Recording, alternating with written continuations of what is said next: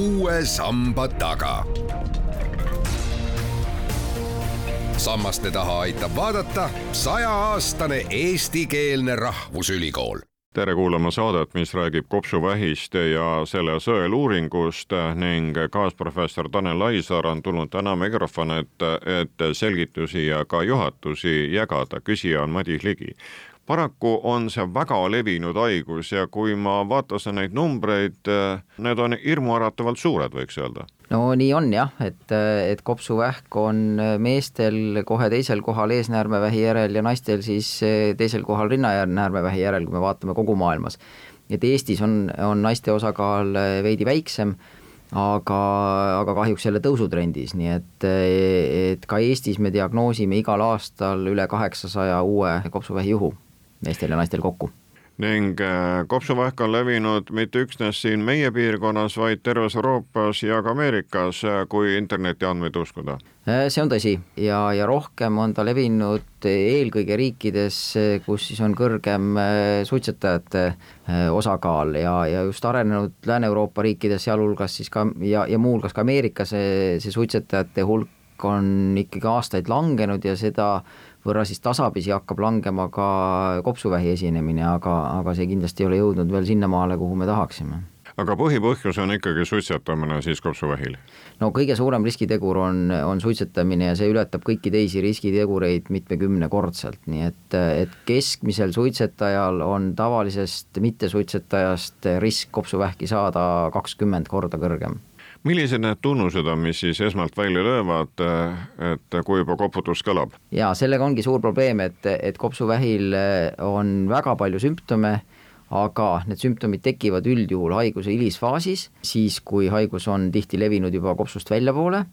ja, ja kui need sümptomid ka tekivad, siis enamasti nad ei ole väga spetsiifilised või iseloomulikud, mille alusel kohe kopsuvähi peale mõelda. Et sümptomid on sellised, mis esinevad ka paljude teiste haiguste korral, no näiteks äh, köha, äh, rindkere valu, hingeldus, äh, hääle kähisemine, et sedasorti sümptome esineb ka paljude teiste haiguste puhul, et kopsuvähi kõige spetsiifilisem sümptom on vereköha, millega igal juhul patsient peaks kohe pöörduma et sellisel juhul tuleb eh, teha siis uuringud koheselt kopsuvähi kinnitamiseks või, või, või väljalülitamiseks aga kõigi teiste sümptomite osas äh, on tihtipeale kahtlus alguses äh, muudele haigustele ja, ja see nõuab siis nii patsiendilt kui arstilt äh, mõtlemist kopsuvähi peale ja, ja siis vastavatele uuringutele suunamist. kui see vereköha juba tuleb, kas siis on haigus ihus või veel mitte? nii ja naa, et võib-olla vereköha teinekord ka väiksemate kasvajate puhul, mis kasvavad siis mõnes suuremas bronhis ja seetõttu see automaatselt ei tähenda kaugele arenenud kasvajat, aga sageli sümptomid kopsuvähi puhul avalduvad siis, kui haigus on kaugele arenenud, jah kui kaua siis vähk areneb, millal juba kirurgid peavad sekkuma või mõne muu ravi osutajad? Jaa, see on jällegi väga individuaalne, et äh, üldiselt kopsuvähk on võrdlemisi agressiivne haigus ja, ja areneb väga kiiresti, aga tänapäeval, kui me teeme patsientidele erinevatel põhjustel kompuuteruuringuid äh, üsna sageli ja me saame vaadata neid, mis on tehtud aasta tagasi, kaks aastat tagasi, viis aastat tagasi, vahel mõnel muul põhjusel, ja me võime leida sealt juba väikese kopsuvähi, mis siis nüüd mitme aastaga on, on mõnevõrra suurenenud ja veel ei olegi kuhugile kaugele levinud, nii et kopsuvähkide hulgas on on äh, variatsioon väga suur, et on selliseid, mis arenevad kiiresti mõne kuuga ja on selliseid, mis võivad kasvada aeglaselt mitme aasta vältel kuid ikkagi tarkusetera on see, et mida varem avastatakse, seda efektiivsem on ravi. see on päris kindel jah, et, et kopsuvähi äh, varajane avastamine on olnud äh, pikka aega see probleemkoht, et kuidas, kuidas ravitulemusi parandada, et kaugele arenenud vähi ravivõimalused, tõsi, on ka viimastel aastatel paranenud aga, aga selgesti need jäävad alla sellele, mida me saame ära teha patsiendi jaoks, kelle vähi me avastame varakult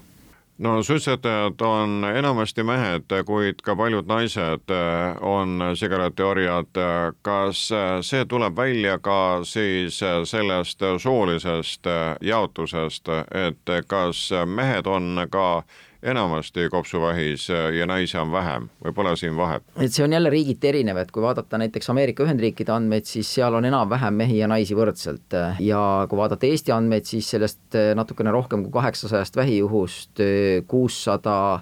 on meestel ja kakssada on naistel, nii et Eestis on ta selgelt ikkagi veel meeste poole kaldu ja, ja nii ka mitmetes teistes riikides, kus meeste suitsetamine on rohkem levinud kui naiste oma, aga, aga riigid, no ka näiteks Euroopas Taani, kus äh, naiste suitsetamine on kõrge, seal on peaaegu sama palju kopsuvähki naistel kui meestel. milline see kõige ohtlikum iga on? No kopsuvähk õnneks äh, tekib ikkagi vanemaealistel ja seetõttu noorel inimesel me diagnoosime kopsuvähki haruharva. Nii et see risk suureneb märkimisväärselt äh, kusagilt sealt peale viiekümnendat, viiekümne viiendat eluaastat, äh, nii et enne seda on,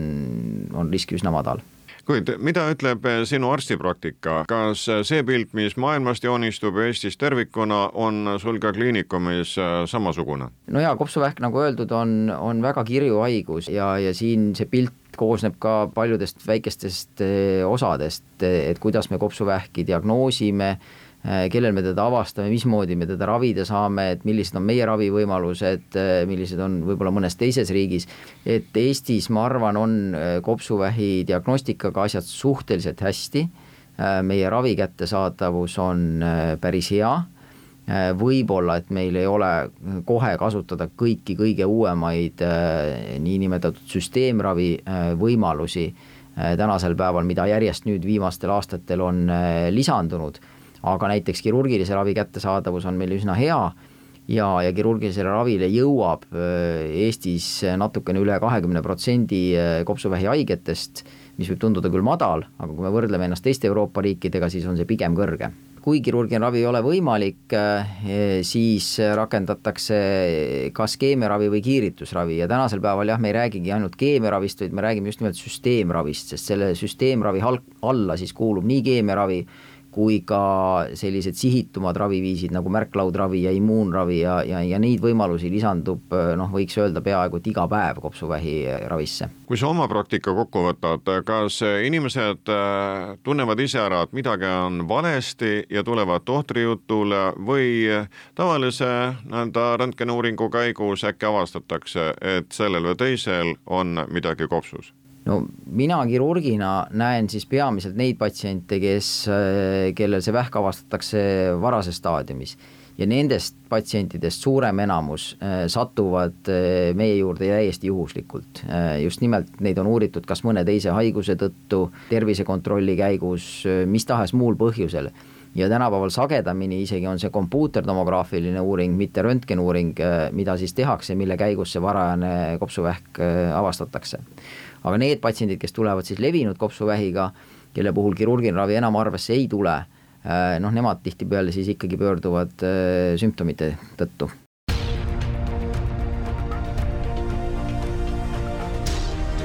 uue samba taga. sammaste taha aitab vaadata sajaaastane eestikeelne rahvusülikool täna me räägime seda juttu Tanel Laisaarega sellepärast, et käima on läinud üks pilootprojekt, see võib kasvada ka Tartumaalt laiemaks. kui kaugel te praegu olete sellega? pilootprojekt on siis eh, kopsuvähi eh, sõeluuring ja, ja eesmärk, eh, nagu siin eelnevast jutust ka on vast juba selgunud, on see, et, et me diagnoosiksime kopsuvähki võimalikult varases staadiumis ja nendel patsientidel või nendel inimestel siis, kellel mingisuguseid sümptome ei ole ja kellel ei ole ka mingisugust põhjust äh, arsti poole pöörduda, küll aga kellel on kõrgenenud risk äh, kopsuvähki haigestuda. Ja, ja alustasime me eelmisel aastal äh, sellise väiksema niinimetatud teostatavuse uuringuga, kus me kolmes perearstipraksises siis katsetasime läbi selle uuringu metoodika, et kuidas neid patsiente uuringusse kaasata,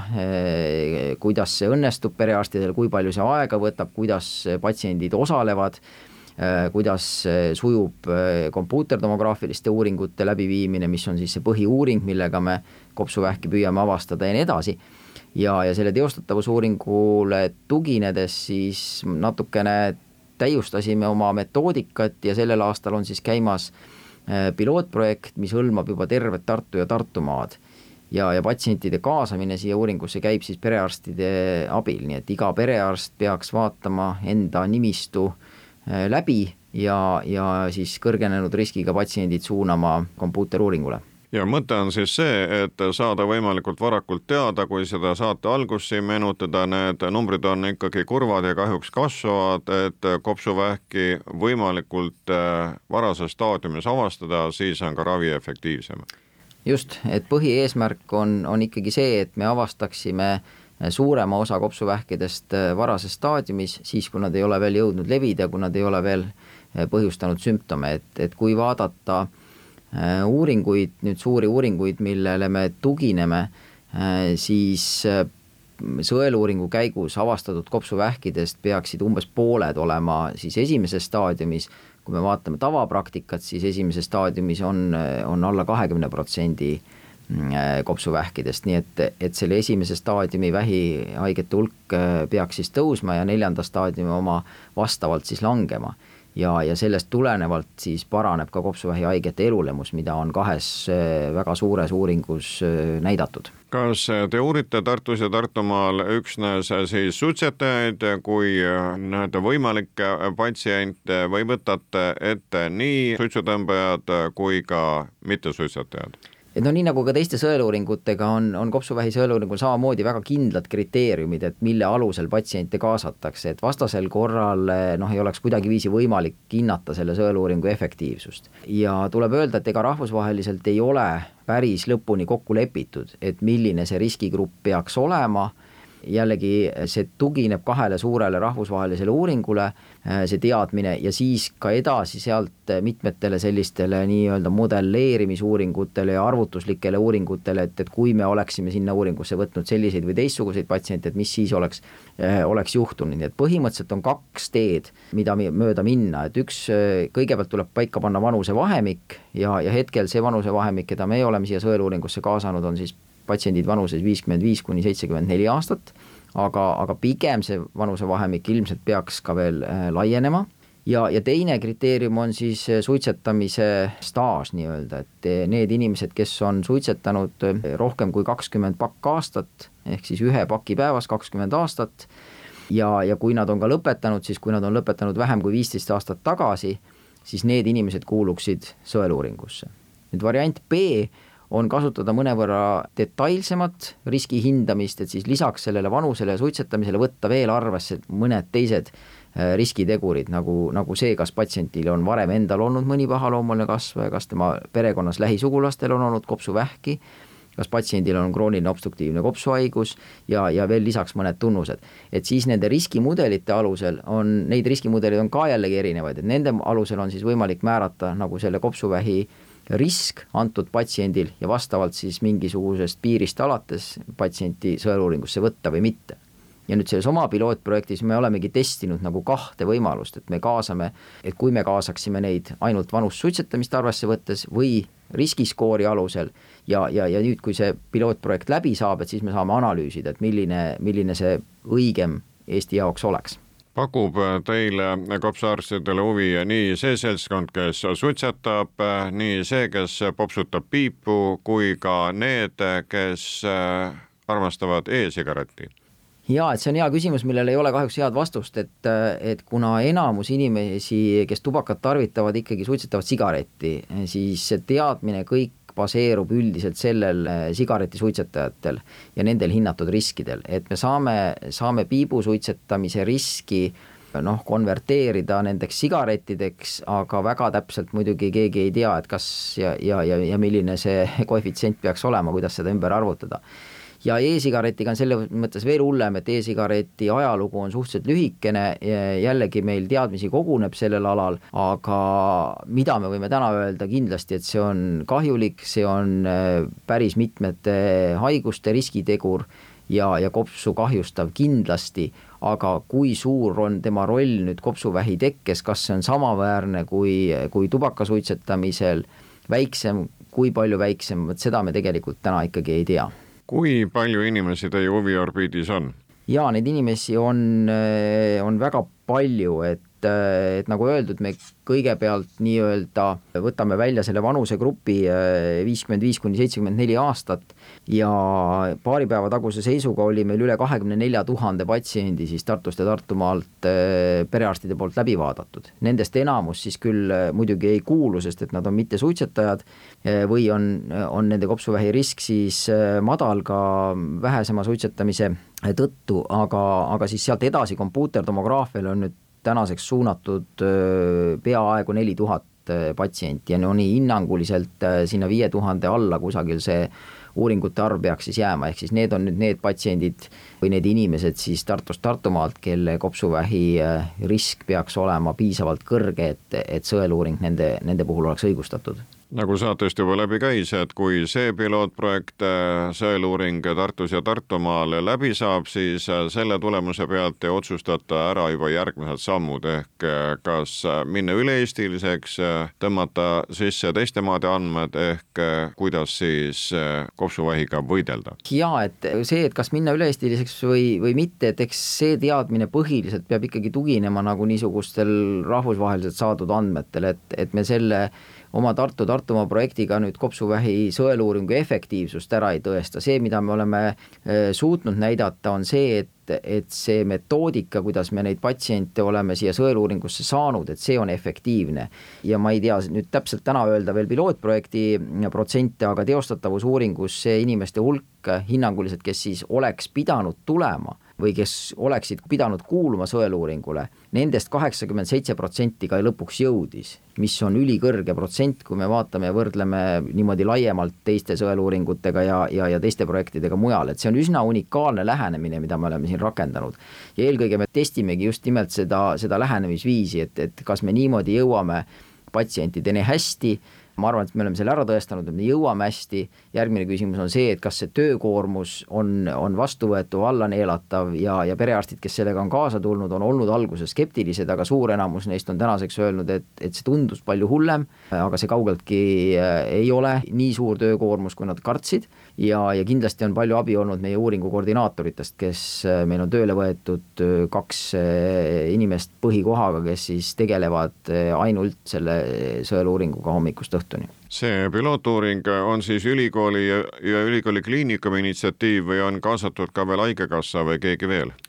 jaa, et, et eelmise aasta uuring oli meil koostöös Tervise Arengu Instituudi ja ülikooliga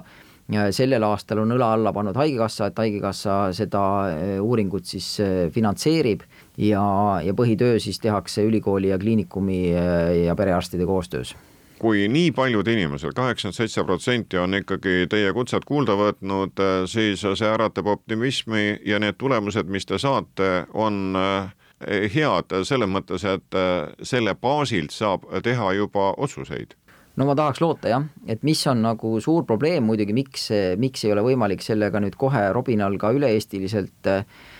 edasi liikuda,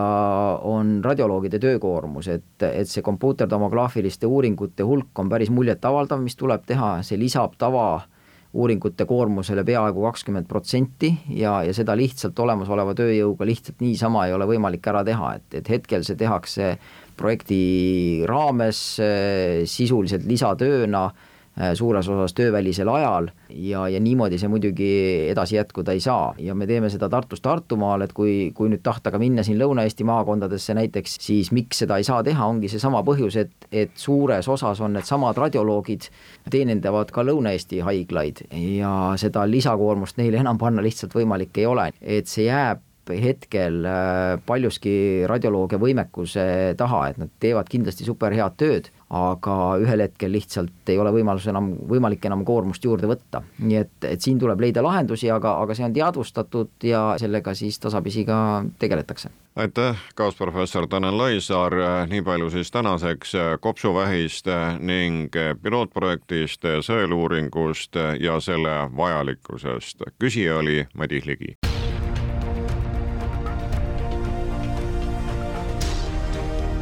uue samba taga. sammaste taha aitab vaadata sajaaastane eestikeelne rahvusülikool